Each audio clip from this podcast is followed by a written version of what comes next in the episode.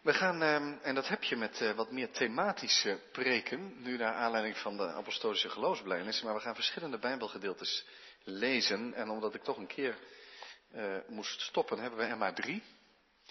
Genesis 15, vers 1 tot en met 6, Matthäus 8, vers 5 tot en met 10, Matthäus 15, vers 21 tot 28.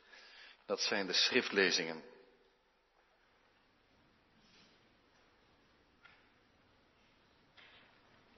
We beginnen bij Genesis 15, de versen 1 tot en met 6.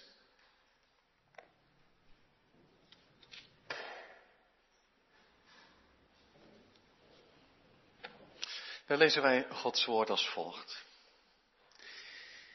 Na deze dingen kwam het woord van de Heere tot Abram in een visioen. Wees niet bevreesd, Abram, ik ben voor u een schild, uw loon zeer groot. Toen zei Abram, Heere, Heere, wat zult u mij dan geven, aangezien ik kinderloos heen ga en de bezitter van mijn huis deze Eliezer uit Damaskus zal zijn? Verder zei Abram, zie, mij hebt u geen nageslacht gegeven en zie, iemand die in mijn huis geboren is zal mijn erfgenaam zijn. Maar zie, het woord van de Heere kwam tot hem, deze man zal uw erfgenaam niet zijn, maar iemand die uit uw eigen lichaam voortkomt, die zal uw erfgenaam zijn. En hij leidde hem naar buiten en zei, kijk toch naar de hemel en tel de sterren als u ze kunt tellen. En hij zei tegen hem, zo talrijk zal uw nageslacht zijn. En hij geloofde in de Heere. En die rekende het hem, hem dat tot gerechtigheid. Dat is de eerste schriftlezing, Genesis 15. En wij lezen dan verder in Matthäus 8, vers 5 tot en met 10. Toen Jezus Capernaum binnengegaan was, kwam er een hoofdman over honderd naar hem toe die hem smeekte, Heere, mijn knecht ligt verlamd thuis en lijdt hevige pijn. Jezus zei tegen hem, ik zal komen en hem genezen. De hoofdman antwoordde en zei, Heer, ik ben het niet waard dat u onder mijn dak komt, maar spreek slechts één woord en mijn knecht zal genezen zijn. Want ook ik ben een mens onder het gezag van anderen en heb zelf soldaten onder mij. En ik zeg tegen de een ga en hij gaat en tegen de ander kom en hij komt en tegen mijn dienaar doe dat en hij doet het. Toen Jezus dit hoorde, verwonderde hij zich en zei tegen hen die hem volgden, voorwaar ik zeg u, ik heb zelfs in Israël zo'n groot geloof niet gevonden. Maar ik zeg u, oh nee, dat is vers 11, daar stoppen we dan toch. Het is erg mooi om door te lezen, maar dat mag u dan zelf doen. 15, Matthäus 15. Matthäus 15, de versen 21 tot 28.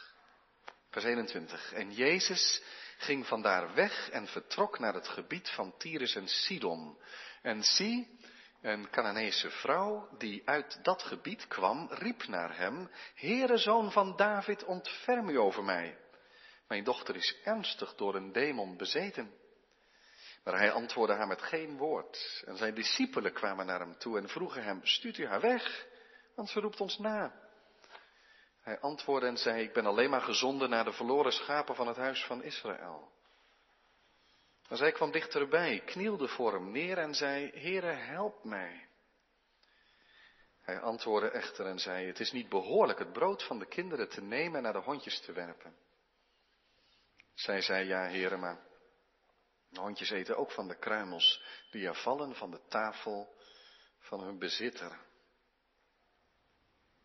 Toen antwoordde Jezus en zei tegen haar, O vrouw, groot is uw geloof. Het zal gebeuren zoals u wilt. En haar dochter was vanaf dat moment gezond. Tot zover lezen we Gods woord voor deze dienst. Zalig zijn zij die het woord van God horen en geloven en daaruit leven. Amen. In elke middagdienst beleiden wij ons geloof met de apostolische geloofsbeleidenis, oftewel de twaalf artikelen. En we willen daarin in de komende serie van verdiepingsdiensten bij stil gaan staan. En op het scherm ziet u daar een overzicht van. Ik heb ook bladen klaargelegd. Misschien liggen ze nog op de tafel of heeft u ze. Um, met daarop het overzicht van uh, de apostolische geloofsbelijdenis. En we zullen daar vooral in een overview naar gaan kijken. En in deze dienst ook stilstaan bij wat is geloof? Wat betekent geloven? Broeders en zusters, gemeente van onze Heer Jezus Christus. Wanneer vindt u, vind jij, dat iemand toegelaten kan worden tot het lidmaatschap van de gemeente, schuine doop, avondmaal? Is dat, uh, moet je dat iemand zelf laten beslissen? Of moet daar ook een, uh, een kerkraad bijvoorbeeld, een raad van oudsten of een kerkraad of een gemeente zelf iets over zeggen? In onze kerk is dat zo, dat de kerkraad, in onze kerken, in onze gereformeerde traditie ook, de kerkraad erover beslist, maar dat is niet alleen iets van de gereformeerde traditie, denk ik. De raad van oudsten vaak daar een beslissing over neemt. Is iemand eraan toe? Want je laat iemand toe op basis van wat iemand beleidt. En dat levert natuurlijk de vraag op van, wat moet iemand dan eigenlijk beleiden? om eigenlijk van iemand te zeggen, en dat is natuurlijk niet alleen om lidmaatschap, je zou kunnen zeggen, als je iemand tegenkomt, die noemt zich christen, dan zeg je natuurlijk allereerst wat fijn om een christen tegen te komen. Je gaat die nooit beoordelen of zo, dat recht heb je niet zomaar. Maar er is wel iets waar je bij jezelf bepaalt, ja, maar wat maakt iemand een christen?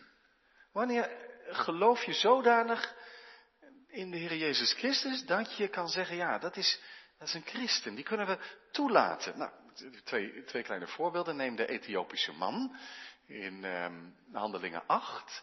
Die uh, nou ja, een spoedcursus catechese krijgt, zoiets. Hè, op die wagen met Filippus naast hem.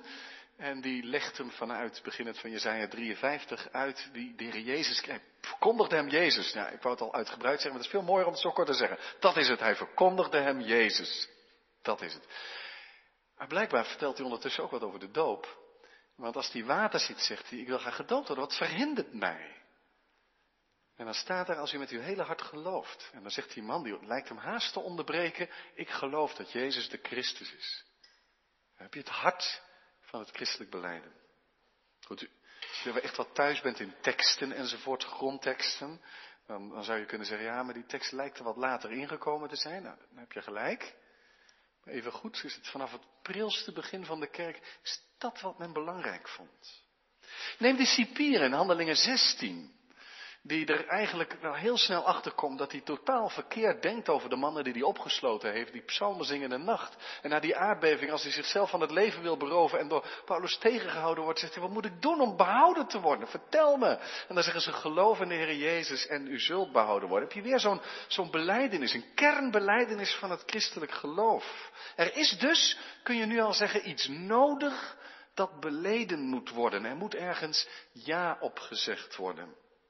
In de vroege kerk, je ziet het al heel snel in de eerste geschriften, ik denk dat je het al terug kan zien in de apostolische brieven, maar al gauw daarna ook, dat er nagedacht wordt over de toelating en dat er ook vaak een vrij stevige introductie opgezet wordt. Ah, je wil Jezus gaan beleiden, dan is het wel belangrijk dat je wat leert. En er werd al heel gauw, soms zelfs een meerjarig traject, ik zeg niet dat moet, hè, maar werd dat gedaan en niet voor niets. Catechese, maar er was ook een periode van vasten en gebed voordat je bijvoorbeeld in de paasnacht, nadat je je overigens zes dagen niet gewassen of geschoren had, ik hoor je al zeggen dat hoeven we niet acuut in te voeren, dat snap ik dan ook.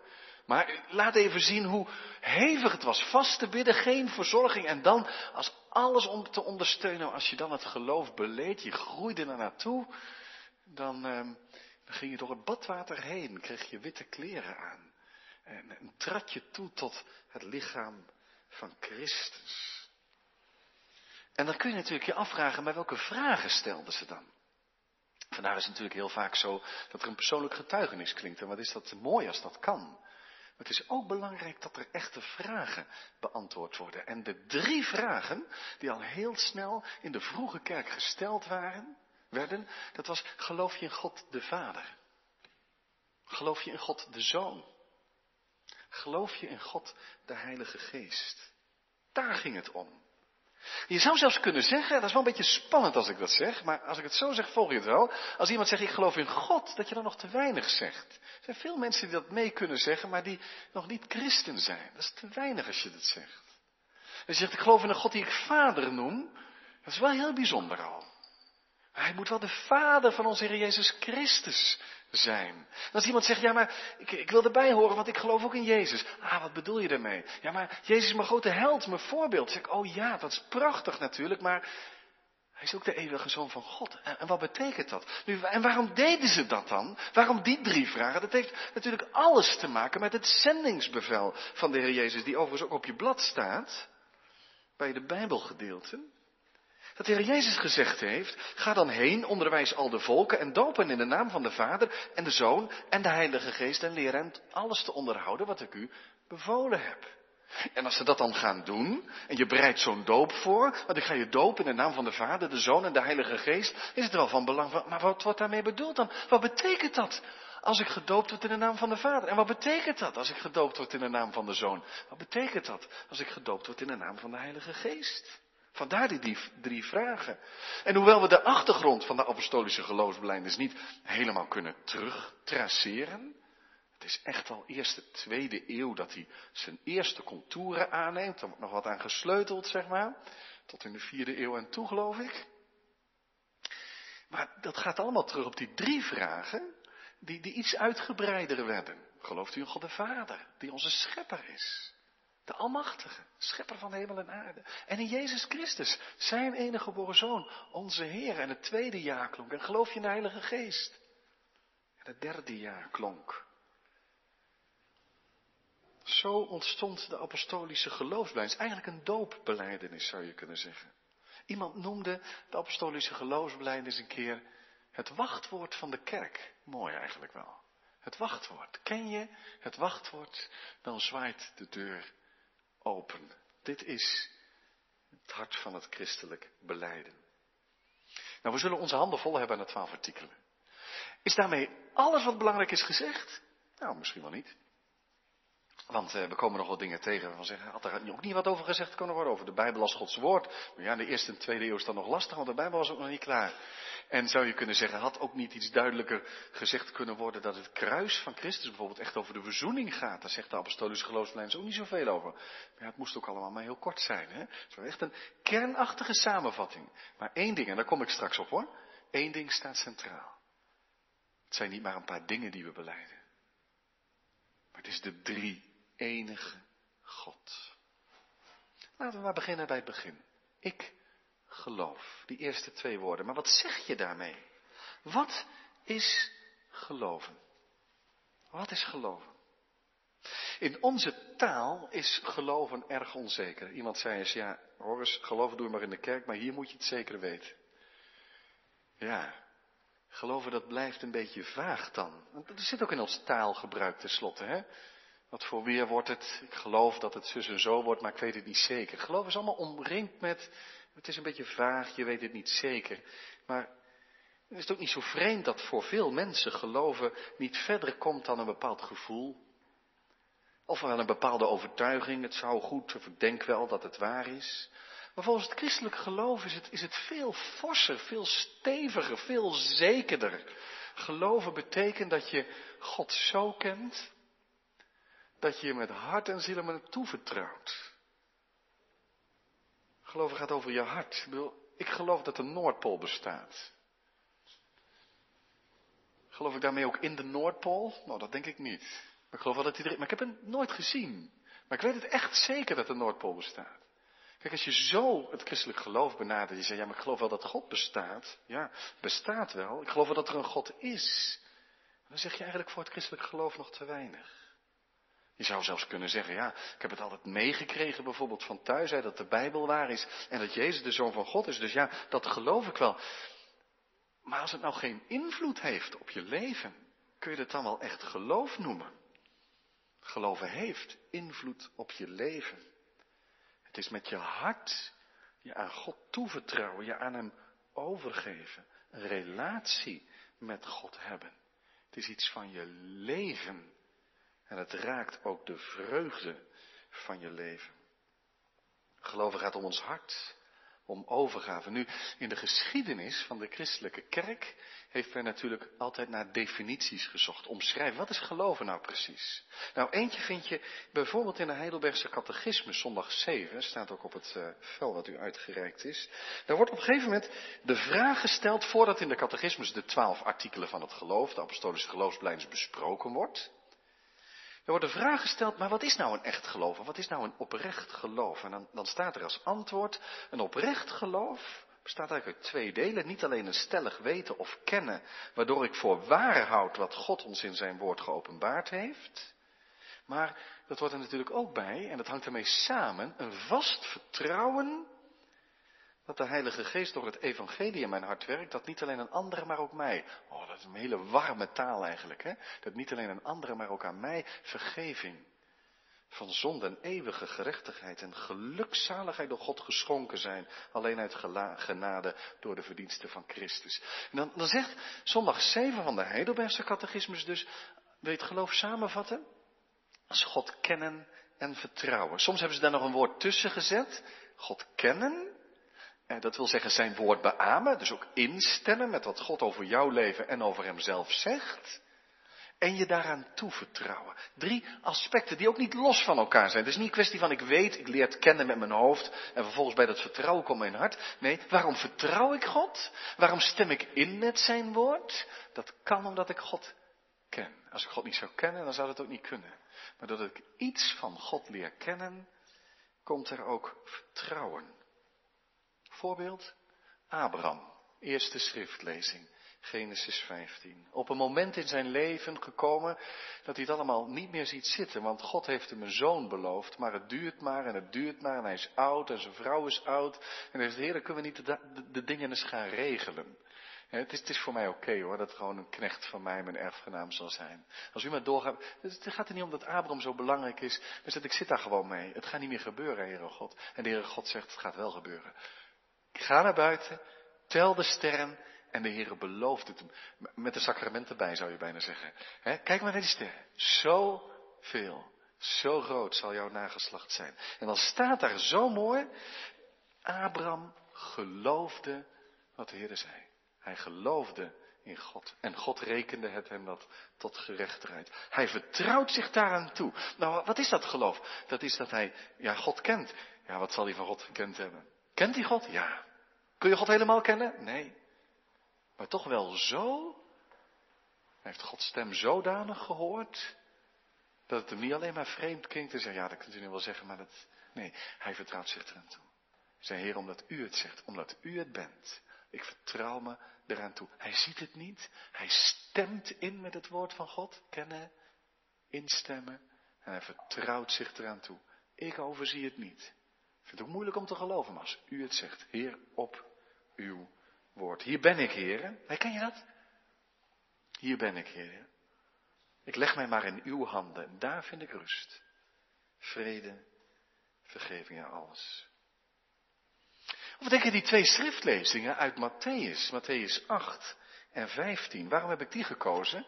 Er zijn natuurlijk talloze Bijbelgedeeltes die over geloof gaan. Denk bijvoorbeeld aan Hebreeën 11, hè? Het geloof is en dan vervolgens een heel hoofdstuk met door het geloof. Nou, dan kun je ontdekken wat het geloof is.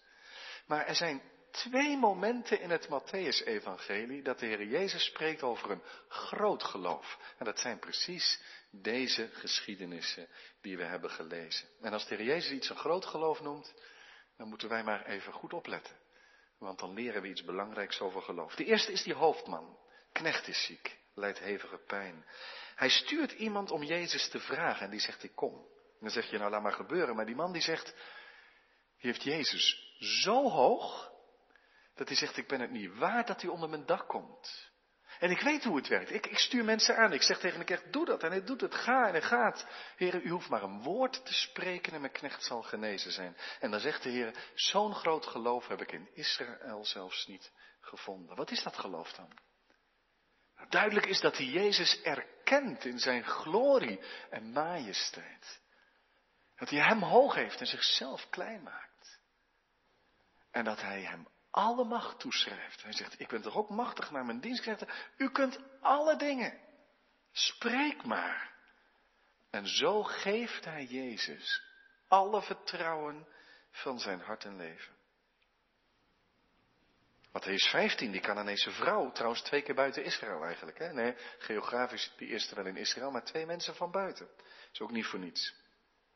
Maar goed, de Cananese vrouw wordt behoorlijk op de proef gesteld. Ze roept naar Jezus dat haar kind zo ziek is. En Jezus geeft er geen aandacht. De discipelen beginnen het al irritant te vinden. Ze zeggen, kunt u er niet een eind aan maken? Stuur haar maar weg. En dan zegt Jezus blijkbaar hardop, zodat die vrouw het hoort. Ja, ik ben niet gezonden dan alleen voor de kinderen van Israël. Je zult het maar horen. Ik zou als vrouw denk ik niet, eh, als ik die vrouw was zou ik denken, nou gauw wegwezen hier, want maar die vrouw heeft Jezus hoog. En, dan, en, als Jezus dan zegt, groot is uw geloof. Hij lijkt er door overrompeld en verrast zelfs. O vrouw, groot is uw geloof. Waarom zo groot? Omdat, ik denk dat het dit is. Omdat Jezus voor haar geen optie is. Maar het enige waar ze haar vertrouwen op kan stellen. Het enige alvast. Zou dat het niet zijn? Als Jezus een optie was, had hij gezegd, oh dan probeer ik wat anders. Het is haar enige redding. En daarom houdt ze aan en dat doet ze buitengewoon nederig en bijzonder creatief. En dan zegt ze, ja, maar de hondjes vallen toch ook van de tafels. En zo houdt ze aan. Ze maakt het Jezus lastig. Ze houdt aan. Groot is uw geloof. Dat je hem erkent als je enige houvast. Dat het geloof iets persoonlijks is, want dat blijkt wel uit die voorbeelden. Het zijn allemaal personen die zelf hun vertrouwen op God stellen. Dat blijkt ook uit die eerste twee woorden van de apostolische geloofsblijdenis. Ik geloof. Er staat niet, wij geloven. Had dat niet ook gekund? Ja, wel zeker. De geloofsblijdenis van Nicea doet het in het meervoud. En zo vullen ze elkaar mooi aan. Wij geloven. Prachtig. Ik vind het altijd zo mooi dat op het moment dat je denkt, ja, maar het is toch wel heel persoonlijk, hè? Dat wij op elke zondagmiddag met elkaar tegelijk zeggen, ik geloof. En dan komt dat ik geloof echt tot zijn recht. Want het is niet een kwestie, je moet twee uitersten vermijden. Je kunt zoveel nadruk op het wij leggen. Hè? De kerk gelooft en ik lift mee. Beetje gek gezegd misschien. Hè? Er staat iemand van voor en die zal wel geloven en ik, uh, dan, ik, ik geloof het wel. Wij. Dus je wordt opgeslokt in de kerk, opgeslokt door het wij. Dat is in de geschiedenis van de kerk natuurlijk gebeurd. de andere kant moet je ook uitkijken. Je kunt het zo persoonlijk maken. Dat het alleen maar om jouw relatie met God gaat. Alsof er ook niet een wij is in het christelijk geloof. En het ik meegedragen wordt door het wij. Maar wel persoonlijk, want is dat ook niet van het werk van de Heilige Geest dat Hij je hart opent? Dat je het niet kan doen met het geloof van iemand anders, al kan het veel betekenis voor je hebben. Dat het ook tot jouzelf komt. Dat je dus ook niet kan zeggen, ah, die dominee gelooft heel hard, dus het zal wel waar zijn. Dat je ook zelf naar God toe gaat in je gebed. Heel, heel, heel eenvoudig. Maar, maar toch, dat je ook zelf de Heer gaat beleiden. En iemand die dat, dat verband, of laten we zeggen het evenwicht tussen het ik en het wij zo mooi neer heeft gezet, dat is naar mijn mening de theoloog uh, van Ruler. Nederlandse theoloog, dus maak je niet druk als je hem niet kent. Leeft ook niet meer. Maar die heeft een, een, een beeld gebruikt, wat sindsdien eindeloos veel in categorisatieboekjes herhaald is. En dat is een mooi beeld. Ik heb het hier ook wel eens gebruikt. Hij zegt, er is een koor in deze wereld wat al eeuwenlang God de lofzang zingt. En als er dan iemand is die komt tot geloof en gaat het geloof beleiden, die krijgt geen solopartij, maar die mag wel zijn partijtje meezingen, zegt hij dan heel fijntjes. En dat is een prachtig beeld. Jouw eigen partij doet er ook toe. Je versterkt dat koor en je geeft het weer door en nodigt anderen uit. Maar je komt niet solo zingen. Het gaat niet alleen om wat jij beleefd hebt in heel je geloofsweg, maar er is een geloof wat al door de eeuwen heen beleden is. Daarom nemen wij in deze kerk ook wel genoegen met één woord en het is ja. Prachtig als iemand daar een getuigenis aan bijvoegt. Maar er is al een kerk die beleidt. En in dat koor mag je gaan staan. Nou, nu zijn er ook best wel veel mensen die ook wel blij zijn dat ze niet hoeven solo zingen. Even los van het zingen, ik moet daar vanaf, want als iemand graag solo zingt, dan uh, heb ik het straks gedaan. Dat moet natuurlijk ook niet, zo bedoel ik het ook niet.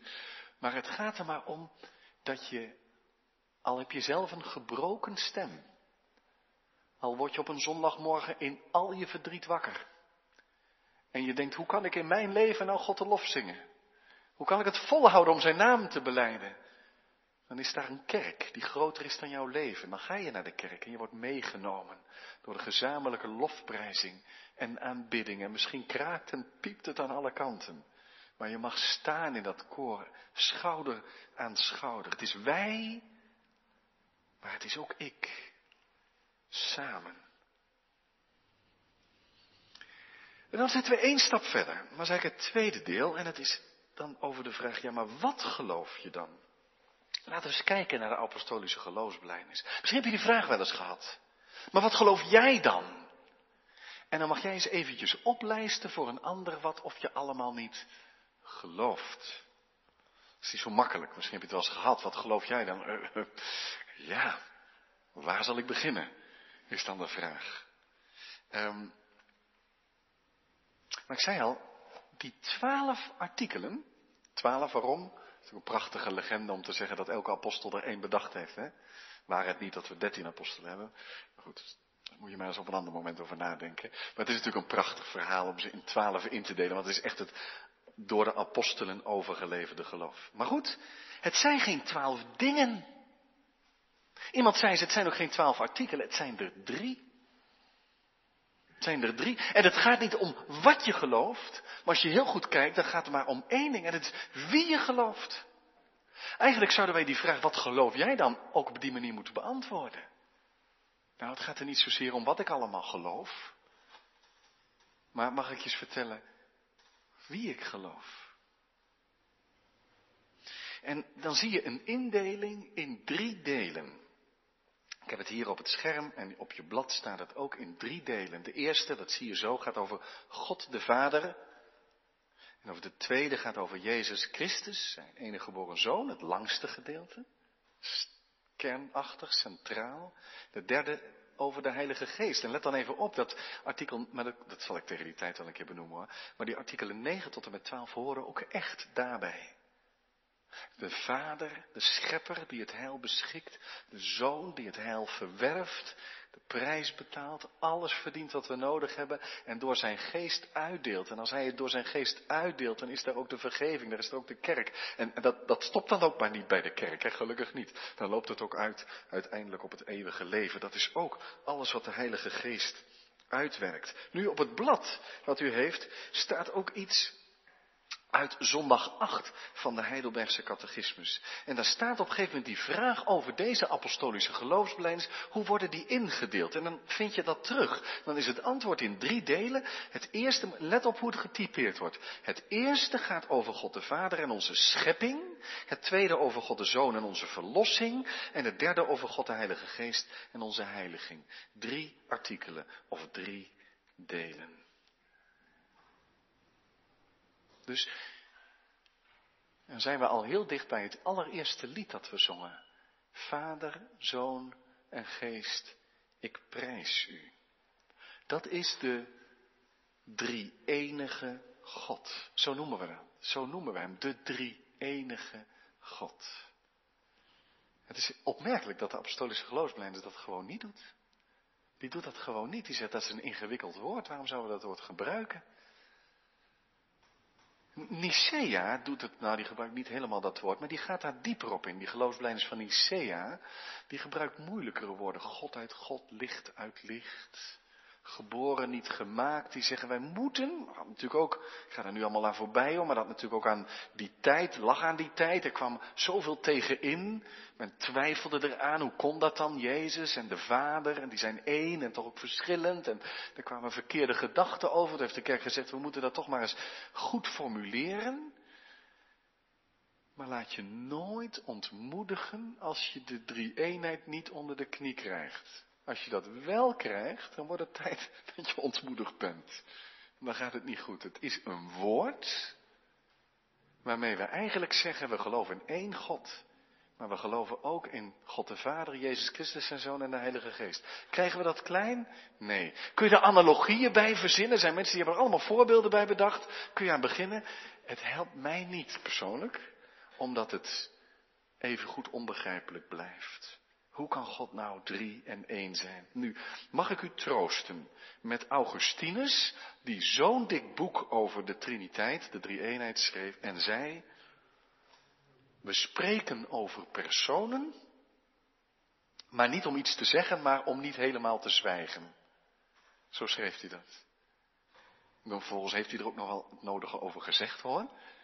Maar eigenlijk zit hij ja, personen, het zijn geen drie losse personen. Misschien is dat woord ook eigenlijk helemaal niet zo heel geschikt. Het heeft in ieder geval allerlei nadelen. En toch, we moeten iets zeggen. Waarom? Waarom? Kunnen we niet helemaal afschaffen dan? Nee. Als jij aan iemand die beginnend christen wordt, zeg maar, interesse krijgt. En je moet het evangelie gaan uitleggen. Ik had een evangelistvriend die zei, ja, het is ook wel heel eenvoudig. Je moet het gewoon gebruiken. Want zegt, als ik over Jezus begin te praten, dan zit ik binnen vijf minuten bij de drie eenheid. Waarom? Omdat ik graag wil uitleggen, hoe zit dat dan? Als Jezus zegt, ik en de Vader zijn één. Jezus is niet zomaar een handlanger van God of, een, of, een, of iemand die erop uit wordt gestuurd. Een van de profeten, maar hij is God zelf die bij ons komt. Hè? Onze Immanuel, God met ons. Het woord is vlees geworden, maar op het moment dat ik daar iets over moet zeggen, zeg je, maar als God mens geworden is, was de hemel dan leeg? Nee, dat is ook niet zo, want hij sprak tot zijn vader. Dus je bent bij het hart van het evangelie, of je moet toch iets zeggen over dat God één is? Er is één God, niet drie. Maar dat het toch op de een of andere manier, lastig voor ons hoofd misschien, maar dat er toch ook onderscheid is. Zeker aan het kruis, als, als Jezus roept, mijn God, mijn God, waarom hebt u mij verlaten? En de vader de schuld legt op Jezus. Er is onderscheid. Belangrijk en tegelijk zo onbegrijpelijk. Ik denk dat de boodschap voor ons vanmiddag. we gaan er niet zo heel uitgebreid op in hoe zit dat nou met één wezen en drie personen of welke term hier ook. We gaan de apostolische geloofsbelijdenis op de meest bijbelse manier volgen. Maar blijf je verwonderen. Er was een theoloog, Noordmans is zijn naam die zei het dus zo. God spreekt, zegt hij. Maar als dat niet genoeg is, dan komt hij. En als dat niet genoeg is, dan troost hij. Hij kon de dingen heel kort zeggen. Wat is dat mooi, hè? God spreekt. Hij gaat de geschiedenis met mensen aan en hij spreekt. God de Vader. Maar als dat niet genoeg is, dan komt hij in zijn Zoon Jezus Christus. En als dat nog niet genoeg is, zegt hij dan, troost hij met de Heilige Geest. Je zou kunnen zeggen, en misschien zijn die woorden een betere toegang tot dit onbegrijpelijke leerstuk, wat voor ons hart geen leerstuk mag blijven. Hè? Het gaat in de God in wie we geloven. Dan zeggen we, God, Hij is God boven ons, de Vader. En Hij is de God naast ons, de Zoon. En Hij is de God die in ons wil wonen, Heilige Geest. Begrijp je het dan? Nee, maar dat hoeft ook niet. Ik wil het niet eens begrijpen. Mag ik dat zeggen? Waarom zouden we God willen begrijpen?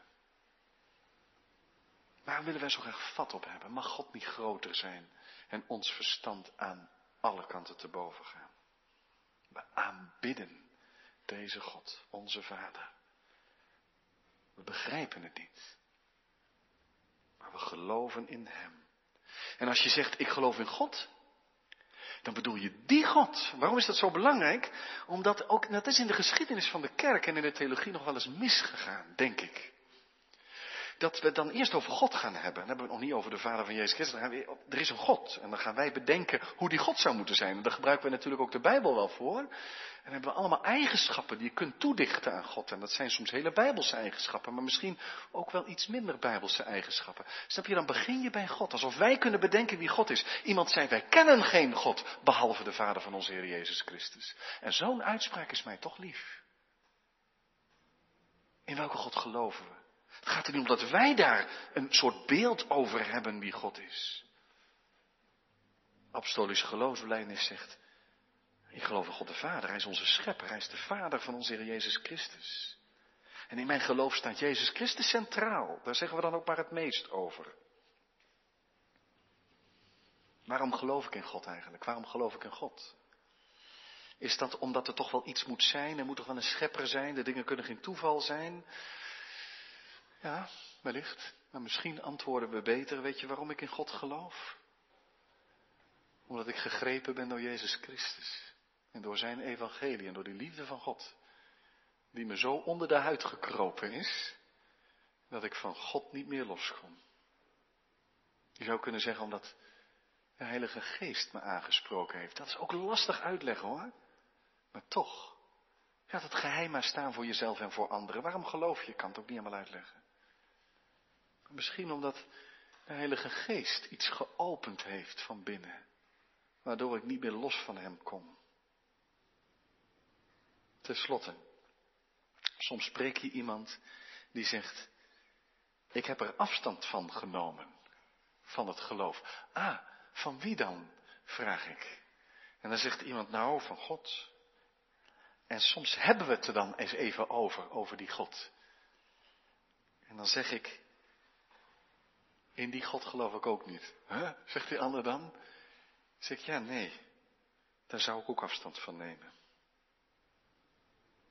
Ik geloof ook niet dat die God bestaat. Voel je een beetje aan wat ik bedoel? Als mensen een beeld hebben van een God waarvan je eigenlijk heel triest bij jezelf ervaart. Ja, ik snap wel dat je daar afstand van genomen heeft. Maar is dat nou de God die is? Is dat nou de God die leeft? Weet je wie er echt is? Dat is Jezus Christus en zijn Vader. En zijn Geest. Die ons leert geloven. Die ons bij zijn gemeente voegt. En onze vaste hoop geeft. Op zijn grote toekomst. Amen.